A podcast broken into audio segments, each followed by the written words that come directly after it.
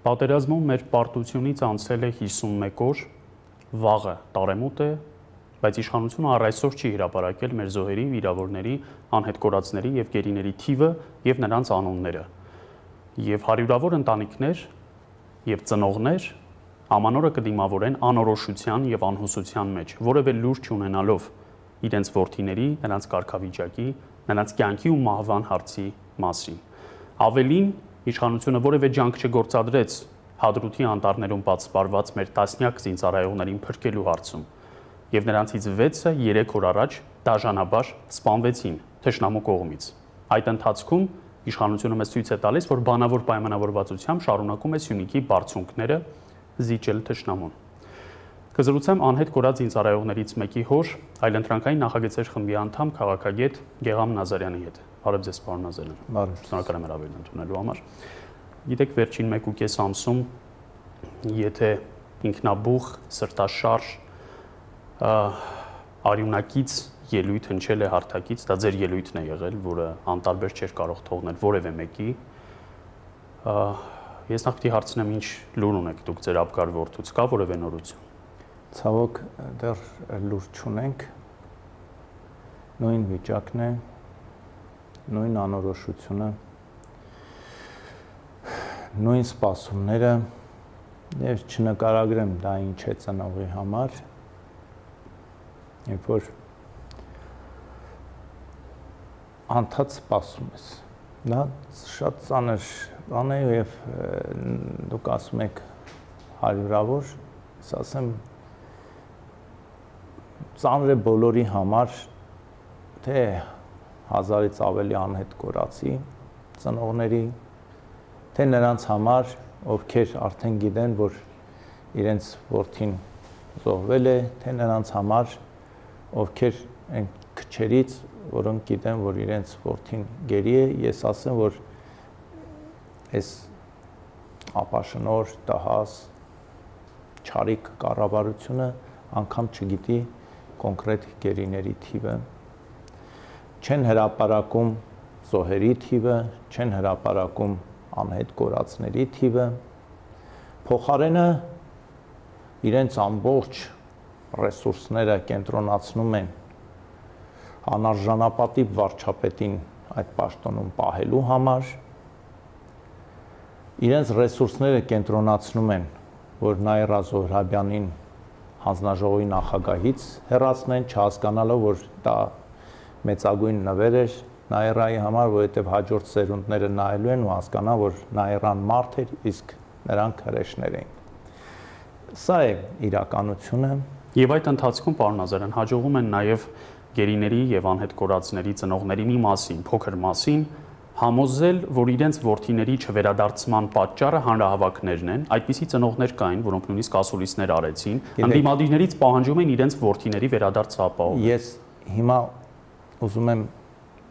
այս հանրահավաքի ելույթի ժամանակ այդ մասին չասեցի, հիմա ուզում եմ դիմեմ բոլոր նրանց, ովքեր worth-ի են կորցրել, ովքեր գերության մեջ գիտեն worth-ի ունեն, ովքեր անհետ կորած զինվոր ունեն, ես իրենց դիմում եմ, խնդրում եմ ստապ նայեն այս իրավիճակին ու հասկանան, որ այս վիճակի համար կա թիվ 1 մեղավոր, թիվ 1 պատասխանատու, դա Նիկոլ Փաշինյանն է որը իհարկե պետք է պատասխան տա նաև կոնկրետ հենց զինծառայողների զոհվելու, անհետ կորելու, գերի ընկնելու համար։ Բայց ես ուզում եմ այս ծնողներին դիմեմ, սիրելիներ, դուք այլ մեղավոր մի փնտրեք, մի թույլ տվեք, որ ձեզ շահարկեն, մի թույլ տվեք, որովհետև ձեր ворթիները ինչն են ամենաշատը ուզում, որ դուք լինեք սթափ։ Նրանք ուզում են, որ դուք չխապվեք։ Պատկերացրեք ձեր ворթիների համար ինչ ծանր է, որ նրանք երկնքում լինեն, թե երկրի վրա ինչ որ միտեղ հիմա շատ ծանր է, երբ որ իրենք իմանում են, որ իրենց ծնողներին խափում են, շարունակում են խափել։ Իսկ այս իշխանությունը ինչ կարողացել է արել 2.5 տարում, դա խափելն է, ստելը, ստելը, խափելը, խափելը, ստելը։ Ուրիշ ոչինչ չեն արել։ Չեն արել։ Նրանք ստել են ու խափել են։ Եվ այս իշխանուց, եթե մենք ուզում ենք, որ մեր երեխեքը գտնվեն, մենք ուզում ենք, որ մեր երեխեքը շուտ վերադառնան գերությունից, կամ մի տարբերակ կոնկրետ տարբերակ դրա դա Նիկոլ Փաշինյանի հերացումն է իշխանությունից։ Մեր երկրի համար էլ է լավ, որ Նիկոլ Փաշինյանը օր առաջ դուրս գա վարչապետի պաշտոնից։ Ես ասում եմ Նիկոլ Փաշինյանը ինչ արժե համակարգի տեր մարդ պետք է լինի որի մեկնած ձեռքը այսել հրաապարակային երկրորդ անգամ չեն սխմում եւ չեն սխմելու որևէ արժանապատիվ մարդ չի կարող սեղմել այդ մարդու ձեռքը ում ձեռքը սեղմեն ում ով գիտակցված ձևով կանխամտածված երկիրը տարավ պատերազմի այն էլ որ Շուշին նվիրի Ադրբեջանին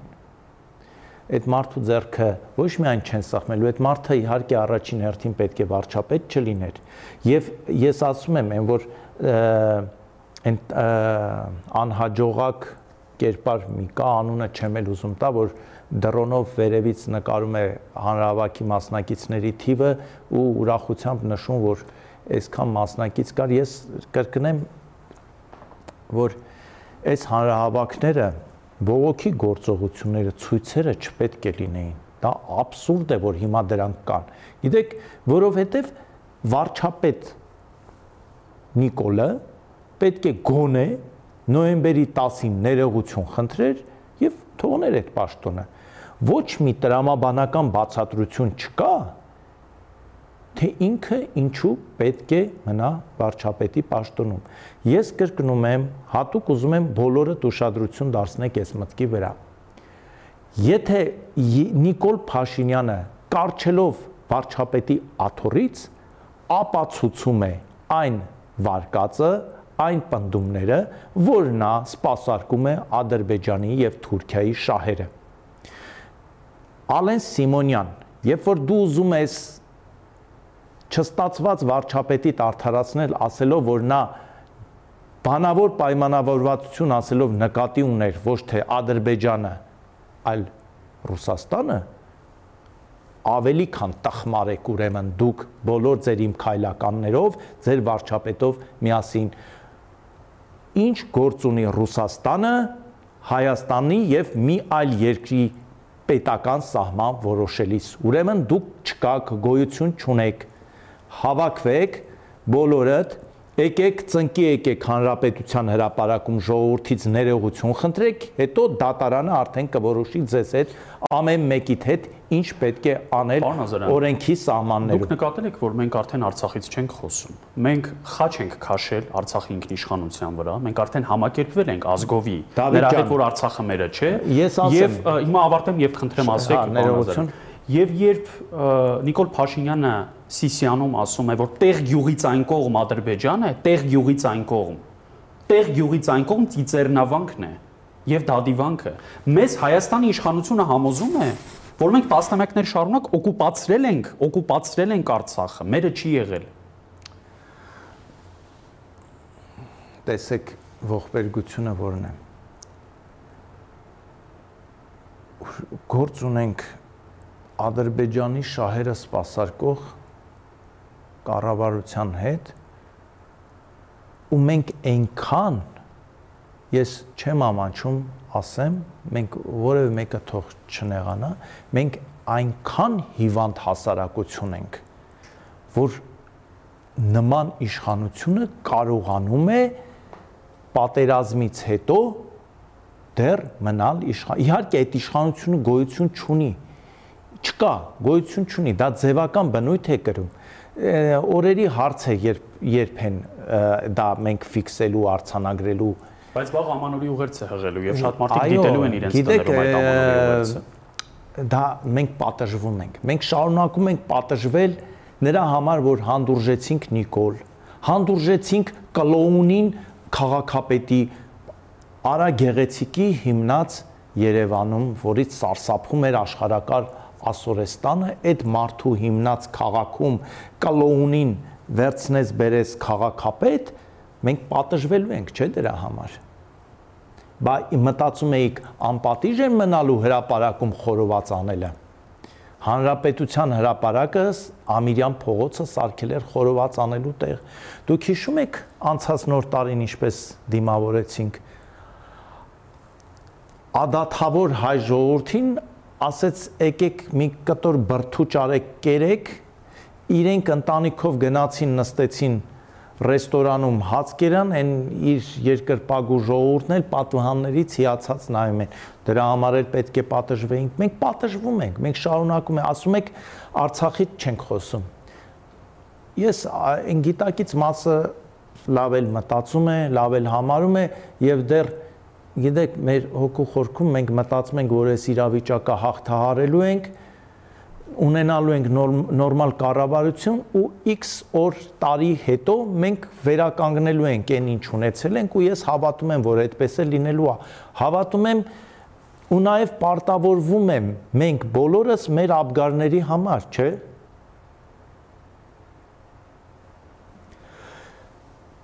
Ոչ մեկ այսօր ուշադրություն չի դարձնում երեք մի շատ կարևոր լուր գնաց մեր կայքերն էլ տվեցին, լրատվամիջոցներն էլ, որ Ադրբեջանի եւ Ռուսաստանի վարչապետները քննարկել են Արցախում վերականգնողական աշխատանքները եւ այդ ադրբեջանական լրատվամիջոցներն է դա անդադար տալիս էին ու ասում են թող հայերը սովորեն որ Ստեփանակերտն ու Մարտակերտն են Ադրբեջանի վերահսկողության ներքո։ Դե պետք է ասեն, չէ, եթե դու ունես Նիկոլա նման մեկը, որ այսօր ստեղ վարչապետ է ու ձերքը հեռախոս է ընկնում ու ինչ որ անհասկանալի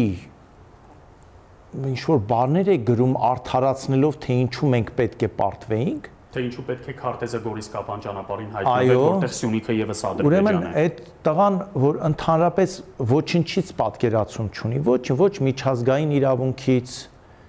ոչ դիվանագիտությունից ես անկեղծ ենք խոսում, իջև վերջ անկեղծ խոսենք։ Եթե Նիկոլը լիներ ուղակի անհաջող վարչապետ, ուղակի անհաջող, արկածախնդիր, եւ որի գործողությունների հետևանքով մենք նահանջ ունենայինք, ինքը պետք է հասկանար, որ մենք ինչ որ տարածքներ կորցնելու ենք։ Եվ պետք է շատ արագ կազմակերպեր ու նախաձեռներ, որ Սյունիքի սահմաններից X կիլոմետր առաջ կառուցվեն եւ այդ օրերը բավականացնելու են այնպիսի դիրքեր, այնպիսի սահմաններ, որ թշնամին չկարողանար մոտենալու, չէր կարողանալու մոտենալ, հատկապես որ արդեն ռուս խաղաղապահ զորքեր տեղանքում կային, որից հետո հրադադարի կնքումից հետո ասելու էին սահմանի հարցը կորոշենք հետո, երբ որ սկսվի բանակցությունները Ղարաբաղի կարգավիճակի եւ երբ որ Հայաստանի ու Ադրբեջանի միջև դիվանագիտական հարաբերություններ կհաստատվի, որից հետո սահմանազատումը կսկսվի արվել։ Արվեց ճիշտ հակառակը։ Մեր դիրքապահներին իջեցրին իրենց դիրքերից։ Ուրեմն ադրբեջանցիներից արագ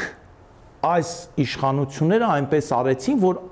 բոլոր կարևոր բլուրներն ու սահմանները ըստ սովետական Հայաստանի 87 թվականի քարտեզի գծագրվեն Իջևանցի Նիկոլը չգիտի, որ Տավուշի մարզում հայ-ադրբեջանական սահմանը գծվել է ոչ թե քարտեզը ձեռքին կամ GPS-ով, սովետա կամ սահմաններով հայկական ԽՍՀ, ադրբեջանական ԽՍՀ սիրելի հայրենակիցներ, մենք նոեմբերյան Իջևան նախկին Շամշադինի շրջան ունենք սահման Ադրբեջանի հետ։ Ունենք սահման Ադրբեջանի հետ նախկին Կրոսնոսելսկի ճամբարակի շրջանով։ Այնտեղ որևէ մեկը քարտեզը ձեռքին սահման չի որոշել։ Դա գծվել է մարտերի արդյունքում 90-ից 94 թվականներին խելամիտ սահման է գծվել հնարավորին չափով, որ գյուղերը անվտանգ լինեն դիրքերը անվտանգ լինեն, դաշտերը անվտանգ լինեն։ Դե հարավում եւս. Արարատի մարզից սկսած Տիգրանաշենի ոլորանները բամբես ոնց մնացին։ Դա Նախիջևանի հետ կապված։ Բայց եթե սկսենք սովետական քարտեզով դատել, հիմա քյարքի ոլորաններն էլ պիտի Նիկոլ Փաշինյանը տա Ադրբեջանին։ Դուք առաջ ընկա, ես դա եմ ասում։ Հիմա եթե այդ նույն քարտեզով որոշեն Տավուշում սահման գծեն, կյանքը Տավուշում կկանգնի։ Եվ նույն ձևով կկանգնի կյանքը Ղազախի շրջանում Թովուզի շրջանում Ադրբեջանի, որովհետև այնքան սխալ է այդ սահմանը գծագրված եղել, որ եթե այդ սահմանը գծագրեց, ոչ Ղազախի ու Թովուզի շրջանի գյուղերը կարող են նորմալ իրար հետ հաղորդակցվել, ոչ էլ Իջևանի, Նոյեմբերյանի գյուղերը կամ Շամշադինի գյուղերը։ Այսինքն կարևորը տրանսպորտային հաղորդակցություն կունենանք Ադրբեջանի հետ։ Դա ներկայացվում է իբրև մեծ տրված հրաշալի հնարավորություն։ Այս իշխանությունների լկտիության, ցինիզմի չափը մեր երեխեքին, մեր երեխեքը անհետ կորած են։ Մեր զոհերի շիրիմները դեր թարմ են, դեր թումբը նոր նոր դեր թաղումները շարունակվում է սիրելի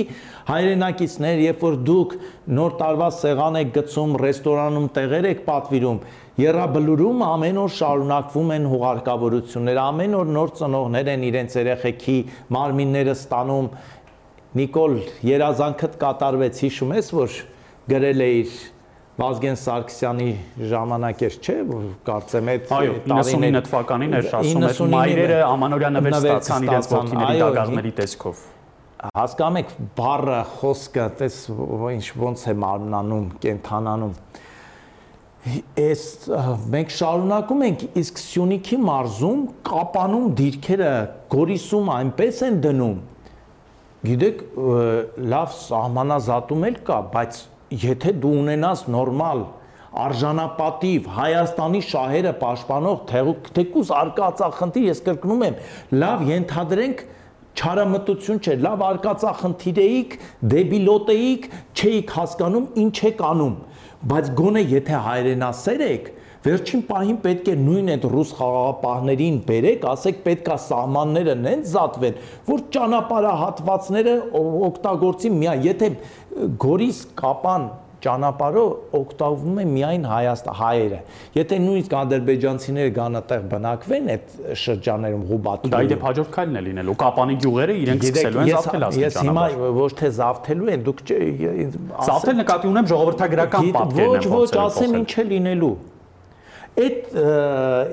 բանը իմ քայլականները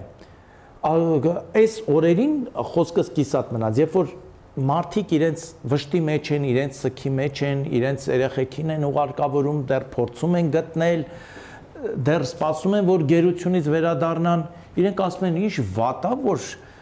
Ադրբեջանի հետ առևտրային հարաբերություն հասկանում եք, բարոյականության սահմանը չկա, գոյություն չունի անբարոյականների վարչախումբ։ Ասում եք ինչ է լինելու։ Ես չեմ հավատում, որ այս տղան կարող է մնալ իշխանության, բայց եթե մենք շարունակենք նրանց մոտենալ այնպես կարծես թե իրենց հրաժարականը պահանջում ենք, որովհետև դոլարի կուրսը մի քիչ բարձացել է կամ ծաղիկի գինն է բարձացել այդ տրամադրվածությամբ մեղմ կիրթ եւ այս կիրթ ու մեղմ ընդդիմությունից դեռ դժգոհ են հաջորդ քայլը մենք լսելու ենք որ Հայաստանն ու Ադրբեջանը բանավոր դիվանագիտական հարաբերություններ են հաստատել եւ բանավոր փոխմբռնմամբ Նիկոլը համաձայնվել է, որ իհարկե ադրբեջանցիները, որոնք ապրել են 88-ի մինչև նոյեմբերի 22-30-ը Հայաստանի գյուղերում եւ քաղաքներում վերադառնան։ Իհարկե ասելու են նաեւ, որ հայերն էլ կարող են գնալ ապրել Գյանջայում եւ կարող են ենթադրել այդ հայերի ճակատագիրը, որոնք փորձեն գնալ։ Բայց իհարկե որևէ մեկը չի գնա, չէ՞։ Մենք ամսի 27-ին տեսանք հադրութում մնացած մեր երեխեքի հետ ինչ արեցին։ Մեզնից բոլորից դուք շատ լավ ձևակերպեցիք ձեր ելույթում հանրահավաքային մեր ապագան են գողացել, մեր երազանքն են գողացել, այն գաղափարը, որի համար տասնամյակներով մի քանի սերունդ մեծացել է, բայց ինձ սարսափեցնում է ոչ այնքան Նիկոլ Փաշինյանի իշխանությունից կարճած մնալը եւ նույնիսկ խորտալը մարդկանց վրա, պարոն Ազարյան, որքան հանրության որոշակի շերտի անհաղորդությունը այս ամենին։ Այսօր Սյունիքում տեղի ունեցողը մտահոգում է սյունեցիներին եւ Երևանաբնակ հավանաբար մի քանի հազար ողջամիտ, ողջախոհ մարդկանց բայց մեր բնակչության մի ստվար մաս, տասնյակ հազարավոր մեր հայրենակիցներ պատրաստվում են ամանորին առանձնապես պատկերացում չունեն ինչ է կատարվում մեր երկրի հետ եւ նույնիսկ պատրաստ են հիմնավորել մասնավոր զրույցներում, ինչպես տաքսիստներ, վարսավիրներ, խանութպաններ եւ շատ այլ, որ այո, Փաշինյանը պետք է շարունակի իշխանավարել։ Ես ուզում եմ հասկանալ, պատկերացնել այս կենցաղային մտածողությունը։ Ձեզ համար ընդունելի ինչ որ մի փաստարկ կարող է լինել այդ մարդկանց համար։ Ես հիմա Դավիթ ջան, ձեզ էլ բոլորին էլ կոչ եմ անում ժամանակ չվատնել նման տեսակի մարդկանց վրա։ Եվ ես ձեզ վստահեցնում եմ, ես ինքս ավտոմեքենա չեմ վարում։ Ես շատ քայլում եմ, տաքսիներով եմ երթևեկում եւ անկեղծ ձեզ ասեմ, ինչ որ մեկը մարդկանց մեջ մցրել այն տեսակետը, թե տաքսիստները, վարսավիրները Նիկոլ են պաշտպանում, ոչ, ես ձեզ վստահեցնում եմ 90%-ը մեր հանրության պահանջում է Նիկոլի անհապաղ հերացում է։ Իսկ այն աղմկողները ուղղակի աղմկող են, դատարկ են, իրենց զրունգունը դատարկության մի քիչ բարձր է գալի։ Մնացածը, տաքսիստը, բժիշկը, վարսավիրը, իրենք լուր ու տխուր են այս օրերին։ Իրենք շոկի մեջ են։ Իրենք էլ են տխուր, որ իրենց երազանքը գողացել են։ Ուղղակի մարդկանց տեսակ կա, որ ասենք մի մասը դուրս է գալի այսօր չնայած ցրտին հրաապարակ, մի մասը այս ամեն ինչը գցում է իր մեջ ու ես ձեզ վստահեցնում եմ, որ մեծամասնությունը առողջ է մեր հասարակության։ Իսկ այն քչամասությունը այն դատարկները դրանց վրա եկեք բայց դա ագրեսիվ փոքրամասնություն է դա շատ ագրեսիվ փոքրամասնություն է իրենց ագրեսիվ են քանի դեռ Նիկոլը այդ աթորին է հաջորդ վարքյանին մեզանից ավելի ագրեսիվ հականիկոլական են դառնալու։ Դա տեսակ է, դա դա մենք տեսանք 18-ին էլ իդեպ։ Գիտեք, ես ասեմ, ես քաղաքականության մեջ ստացվել է 17 տարեկանից 88-ի փետրվարից մտել եմ ու այլևս չեմ վերադարձել։ Ես անգիր գիտեմ բոլոր հասարակության այս կամ այն խավերին, ճյուղերին։ Ես ձեզ վստահեցնում եմ, բազմաթիվ բժիշկներ, շինարարներ, վարսավիրներ, ուսուցիչներ, ուսուցիչներ մեզանից ավելի ակտիվ, մեզանից ավելի շատ ուզում են, որ հայրենիքը Ադրբեջանին նվիրած Նիկոլը դուրս գա։ Ես դες հետ համաձայն եմ, պարոն Ազարյան, բայց հրաապարական պայքարի բացակայությունը Նիկոլ Փաշինյանին մղում է պնդելու, հիշում եք, չէ՞ գրառում ասում է, մենք տեսանք, որ մարդիկ դուրս չեկան։ Նիկոլը ինքը մուտիտի վարպետ է, մուտիտի ինքը ուրիշ բան չգիտի, մուտիտ անի։ Բայց գիտեք, ես ձեզ ասեմ հակառակը, այդ մարդիկ ճիշտ են անում, որ դուրս չեն գալի։ Վշտի մեջ մարդը Գիտեք, մենք ինչքան ենք մեզ հաղթարում, որ դուրս են գալի հրաապարակ, ամեն մեկը չի կարող դա անել։ Այս պայքարը անտրամաբանակ անա սա ընդդիմության եւ իշխանության պայքար չի։ Սա ազգի պայքարն է ժեխի դեմ։ Թող իմ նկատմամբ է քրեական գործ հարուցեն։ Թող հարուցեն, այո, սա ազգի պայքարն է ժեխ ղեկավարության դեմ։ Մենք ունենք ժեխ ղեկավարություն։ Նիկոլը դա մեզանից լավ է գիտակցում նայեք նրա աչքերին, ինչ հայացքով է նայում թեկուս Պետրոս Ղազարյանին։ Ինքը գիտակցում է, որ ինքը ավարտված մարդ է, ինքը անելիք չունի, ուղակի ստացվում է երկու պատճառ, որ ինքը հրաժարական չի տալի։ Ա. ինչ որ ուժեր, որ իրեն բերել են այս իշխանության եւ ղեկավարում են, թույլ չեն տալի, որ հրաժարական տա, Բ. վախենում է։ Գ, Դ, Ե տարբերակներ գոյություն չունի այս մոռանանք եւ իրա մնալ է իշխանության ես խոսքս ավարտեմ կիսատ մնաց ընդմիջվեց հանգեցնելու են նրան որ մի օր մեզ բացատրելու են որ մեզ համար ինչքան լավ է եթե ադրբեջանցիները բնակվեն Վարդենիսի շրջանում Մասիսի շրջանում Մասիսում Ամասիայում Կապանում ինչպես 88-ի կարելի է եղբայրություն անել նրանց հետ մեզ համոզելու են այլ դա անհրաժեշտ է Եվ մենք ունենք ընտրություն, մեկ շատ հեշտ ընտրություն, սիրելի հայրենակիցներ։ Մենք կարող ենք համաձայնվել դառնալ ադրբեջանա-թուրքական սպասարկողների, այսինքն ադրբեջանցի թուրք մի երկու առևտրական տուրիստ կան, մենք իրենց սպասարկենք, այդպիսի կարգավիճակով տարածքի կամ մեր մեջի վերջին ուժերը, մեր գենը վերջապես հասկանանք, որ մենք հայ ենք, ոչ թե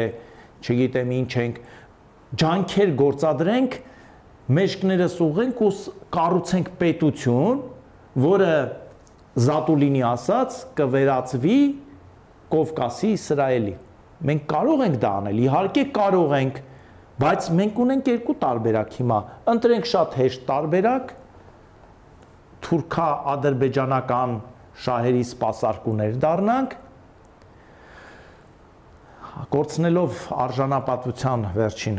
կատիլը, բայց դա գիտեք ինչի է բերելու, դա բերելու է, որ 10 կամ 20 տարի հետո հայերը այստեղ փոքրամասնություն են լինելու եւ որպես պետություն, ասենք ձևական կամ ձևական էլ չէ, այլևս չենք լինելու։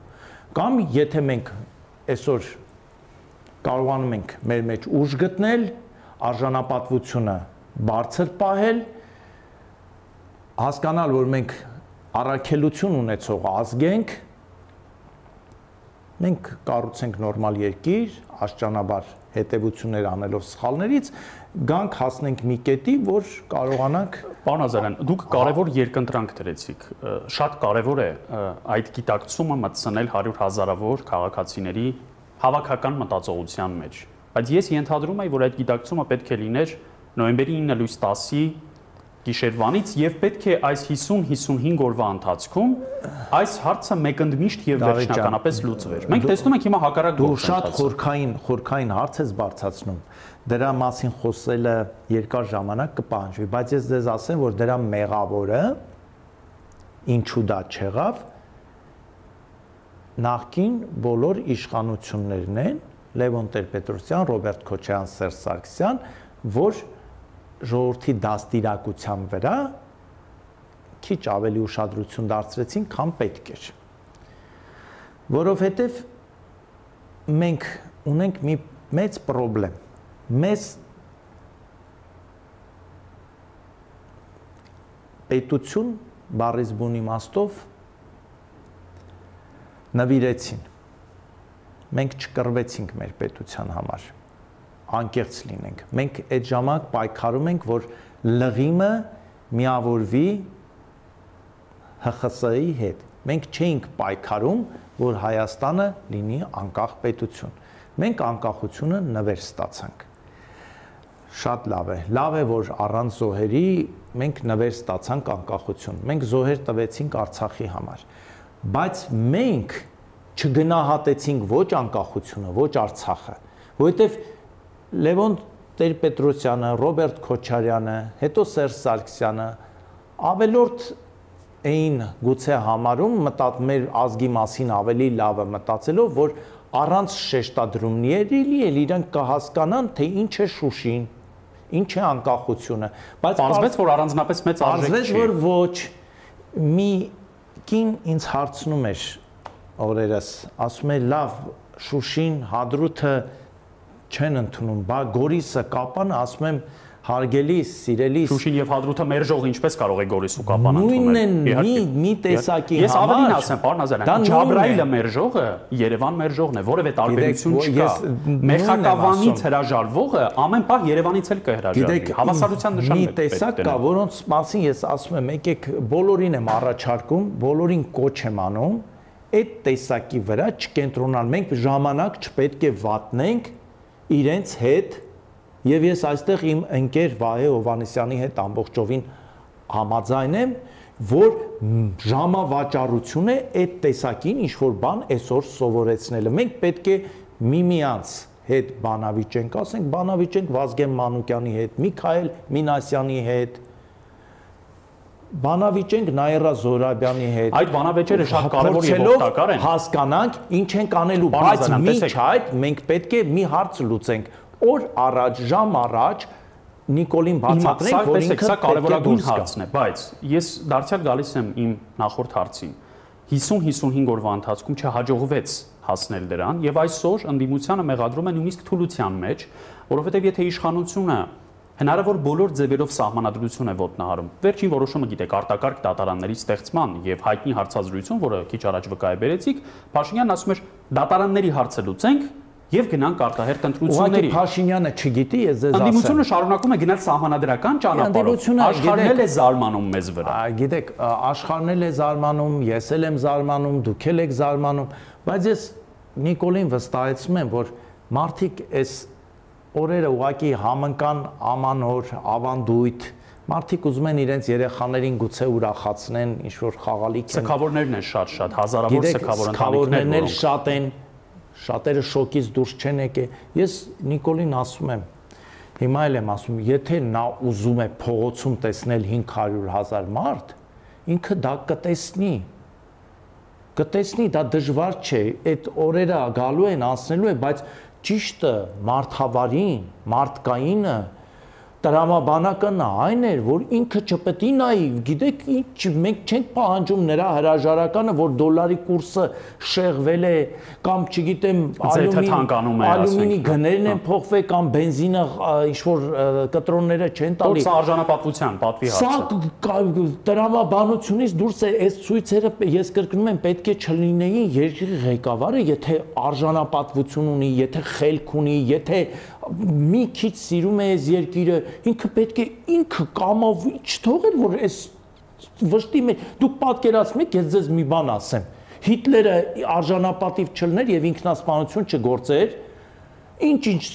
շատ հնարավոր էր անգամ Հետո իր կողմնակիցներին հրավիրեր գնալու միասին հարգելու զոհված Եվ գերմանացիների դա հիշատակը։ հնարավոր էր, ես ձեզ ասեմ, եթե Հիտլերը ինքնասպան չլիներ, գուցե ինչ-ինչ ճանապարհներով կարողանար լեզու գտնել Անգլա, Ֆրանսիա, ամերիկյան այդ ղեկավարության հետ խնդրեր ինձ մի երկու ամիս ժամանակ տվեք ես ձեր ասացները կանեմ Հատկապես որ սովետների դեմ դա իրեն առաջարկվում էր։ Բրիտանացիները համագործակցում են, կան կան չէ, այդպիսի տվյալներ։ Ընդունեք դուք պատկերացնում եք Գերմանիայի վիճակը ինչ կլներ, եթե մայիսի 9-ից 2 ամիս հետո, ասենք հուլիսի 10-ին Հիտլերը ինչ որ դիմեր ժողովրդին, ասեր, տեսեք, քիչ մարդ դուրս եկավ հրաապարակ, ավերված Այո։ Գերմանիայում սքի մեջ Եվ եղող բրիտանացիների մանդատով նշանակվեր, ասեն Գերմանիայի մի մասի կառավարիչ, մնացած մասի կառավարիչ։ Դա անտրամաբանական է, չէ, ոչ մեկիս Դա ուղեղում դա չի գերմանացի ժողովրդի տեղավորվում։ խայտարակությունը կլիներ։ ամոթը ու դրանք միջև հիմա գերմանացիները դրա տակից դուրս չէին գալու։ Բոլորը ծիծաղելու են, ֆրանսիական անեկդոտների թեմաներ էին դառնալու։ Այսօր Նիկոլը ոնց է պատկերացնում Հայաստանի շահեր, երբ որ ծիծաղում են իր վրա, ծիծաղում են։ Երբ որ Ալիևը Ալիևի համար ինքը ծաղրի առարկա է։ Լավ, դու գոնե այս երկիրը սիրելով պետք է դուրս գաս, որ գա մի մարդ, մի մարդ, որը կարողանա բանակցի Ռուսաստանի հետ, կարողանա բանակցի Իրանի հետ։ Դու ինքը եկավ, հասկանում եք ինչ արեց։ վատ թար ոչ թե վատացրեց, վատ թարացրեց հարաբերությունները Ռուսաստանի հետ, Իրանի հետ։ Հիշում եք Ղասեմ Սոլեյմանի սպանությունից սա, ցինիկ, ցինիկ իր հայտարարությունը շոր բլուր էր բարձացել։ Իրանում դա ֆիքսում են, չէ՞։ Հիմա ասում են, բա Իրանը ինչու այսպես, այնպես եւ այլն։ Ֆիքսում են, մարդիկ ասում են, բա ուր կորան մեր շնորհավորանքները։ 3-4 օր անց շնորհավորեց Իրանի նախագահը սեպտեմբերի 21-ից հետո, դա աննախադեպ բան էր։ Ես ձեզ ասում եմ, իսկ դա փոխադարձ չպետք է լինի։ իսկ Իրանը հրաշալի գիտի Մեր արարողակարգի Իրանը, մեր միակ հազարամյա մեր ընկեր հարևանը արժանի էր դրան։ Հիշում եք, որ ասեց անհրաժեշտության դեպքում մենք Իրանի սահմանն էլ կփակենք։ Բա ֆիքսում են, չէ, Իրանում այդ ամեն Ամեն պահ ինչը։ կարող է փակվել։ Դուք հիշում եք, որ Նիկոլի սիրելի ընկերը ասում էր, թող Պուտինը գա քացով հետևին գցենք, գցենք Քոչարյանի մոտ փակենք։ Իհարկե։ Հիշում եք, որ կառավարական Լավրովին ցույցերով եկան իշխանության, ինչի մասին է խոսքը։ Վարչապետի խոսնակից հիշում եւ կրթության նախարարից սկսած։ Նիկոլը Լավրով էր ծաղրում։ Հիշում եք։ Հիմա հարցնում եք, բա ինչի է այս ամեն ինչը սենց։ Մենք պատժվում ենք մեր մեզ ասում եք, մենք այդ մարդկանց թողեք, մենք ամեն մեկս ենք մեղավոր, որ թույլ տվեցինք Նիկոլը գա իշխանության, Նիկոլը մնա իշխանության, որ Նիկոլը անարգի ամեն ինչ ուշադրություն դարձեք նա անարգեց մեր բոլոր տոները մեր բոլոր հիշատակի օրերը նա փչացրեց ամեն ինչ ինչը կարող էր ինչը հայկական էր ինչը հայ հայկականին մոտ էր Երաբլուրը նույնիսկ։ Դե Նույնիսկ վերջում է ես չեմ ուզում այդ տեսարանը հիշեմ դա սարսափելի է ասենք պատկերը ոնց գիտեք երևի Էրդողանը ավելի արժանապատվորեն կմտներ կամ լինելով Աստծուն հավատացող մարդ Էրդողանը իրեն թույլ չէր տա զոհված մարդկանց թեկուզ եւ հակառակորդի շիրիմների վրով քայլել։ Մենք ծանր վիճակում ենք։ Ծանր պարտություն, որը մեզ տարան ծանր պարտության, արեստակցին ծանր պարտության, որի համար պատասխան են տալու սկսած Նիկոլից վերջացած նրանք, ովքեր հանգի ամեն ինչ արեցին, որ մենք պարտվենք, պատասխան են տալու բոլոր նրանք, ովքեր ծնողին խափելով նորակոչիկին 1 ամիս դեռ բանակում չծառայած, զենք չբռնած, զենքին չտիրապետող երեխեքին տարան լցրեցին առաջինգից որպես մսացու, բա պատասխան են տալու Դավիթ ջան, կարողա մենք հավիճ ճտեր էինք ուղարկել այնտեղ ծանր պատասխան են տալու իմ քայլականներ բոլորը դուք մեղավոր եք, արդեն մեղավոր եք, դուք շանս ունեիք, հիմա էլ շանս ունեք դեռ դեռ շանս ունեք։ Մտեք 88 թե 78 եք, ինչքան եք մնացել, մտեք Նիկոլի մոտ, ասեք Նիկոլ, դու մի քայլ ունես անելու, հերացիր։ Այդքան լավ դուք մի օր Աստծո առաջ եք կանգնելու։ Եթե նույնիսկ չեք հավատում, ես ձեզ վստահեցնում եմ, կանգնելու եք, գոնե մի արդարացում ունենաք, ասեք, որ մենք մի օր սթափվեցինք, գնացինք Նիկոլին ասեցինք ճիշտ է 50 օր հետո, բայց գոնե ասեցինք, արեք այդ քայլը։ Ինչ ինչ դուք տղամարդ չեք, դուք կին չեք, մայր չեք, դուք ով եք։ Ով եք դուք, Դավիթ ջան, մի կարելի է իրենց հարցնել իրենք ով են։ Ով են իրենք։ Լավ, Նիկոլը չի գիտակցում։ Նիկոլը չի գիտակցում։ Ենթադրենք շեղվել է, օրինակ։ Ենթադրենք կորցրել է իրականության զգացումը։ Բա լավ 78-ն է կորցրել է։ Իրենց կենսագրությունների մեծամասնությունը ինձնից լավ գիտեք, պարոն Ազարյան։ Չի կենսագրություն ունեցող падգամավոր դինելուց դե կամ արտգործնախարարի տեղակալ լինելուց։ Հիմա ես բանա, մենք ենք, չէ՞ մեղավոր, որ թույլ տվեցինք, որ մարդը գնա քվեարկության եւ падգամավոր ընտրի մեկին, որի կենսագրությունում կա մի դրվակ, որ ինքը պլակատ է վերցրել գրված Putin go home։ Ին իր կյանքի ամենամեծ դրվագը դա է եղել։ Ու ինքը գալիս է Հայաստանում падգամավոր։ Դա դե ասում եք։ Ես կրկնում եմ, ասում եմ, Նիկոլը մնալու որևէ տարբերակ չունի։ Նա արդեն գնացած է։ Գնացած է, նրան ինչ որ ձևով ինչ որ մեկը ուզում է պահել, ես դիմում եմ մեր ԱԱԾ-ին, մեր ոստիկանությանը, մեր բոլոր իրավապահ մարմիններին։ Ձեր գործառույթը ոչ թե մի անձին սпасարկելն է, այլ պետության շահերի սпасարկումը։ Այսօր պետություն վտանգված է, պետության գոյությունը։ Վտանգված է բարից բուն իմաստով։ Ինչ երաշխիք, որ վաղը մյուս օրը սահմանային լարվածություններ չեն լինելու։ Տավուշում ես գիտեք ցակումով ինքս տավուշից եմ լինում է հաճախ նույնիսկ առաջ որ լինում են պրովոկացիաներ եւ սահմանային լարվածություն եւ եթե մեր դիրքերը վատ լինեին տավուշում ծանր վիճակներ էր մեզ սպասում բայց բարեբախտաբար 94 թվականին գծվեց քիչ թե շատ տանելի սահմանագից որ մեր սահմանային գյուղերում կարողանում են կյանք շարունակել։ Հիմա ենթադրենք Աստված մի արած է, իրավիճակ է փոխվում, կապանի գլխին նստած են ադրբեջանցի զինվորները հսկա կապան։ Նիկոլ, դու դրա հատակից ո՞նց ես դուրս գալու։ Դու այդ մարդկանց ո՞նց դու ինչ երաշխիք ունես։ Դու ինչ մենք Արցախի կարգավիճակի հարց դեռ պետք է լուծենք, դեռ հազարու մի խնդիր կա լուծելու եւ այսքանից հետո ես ձեզ ասում եմ, հարց եմ տալի ես ոչ թե հարց եմ տալի, ես մեկ անգամ եւս առաջին հերթին Արցախում worth-ի կորցրած ծնողներին եմ դիմում։ Հանուն ձեր երեխաների, հանուն ձեր երեխաների, հանուն մեր երեխաների։ Եկեք նենց հանենք, որ այդ երեխեքը երկնքից իմաստավորված համարեն գոնե իրենց զոհվելը այսօրվա ճիշտ քայլերով եթե մենք թույլ տանք շարունակենք թույլ տալ որ իմ քայլականներու Նիկոլը դեռ գրառումներ են անում դեռ ուզում են օրակարգեր թելադրել, դեռ մատ են թափ տալի։ Սիսակը Սիսակը պետք է այդ օրը եկեղեցի գնար ու աղոթեր ասեր Աստված, շնորհակալ եմ, որ այսպիսի բարի ազգ ունենք, որ մեր տականքությունից հետո ինձ ձվով են արվածել, ոչ թե նռնականետով վրես կրակել են, որովհետև ձեր արածից հետո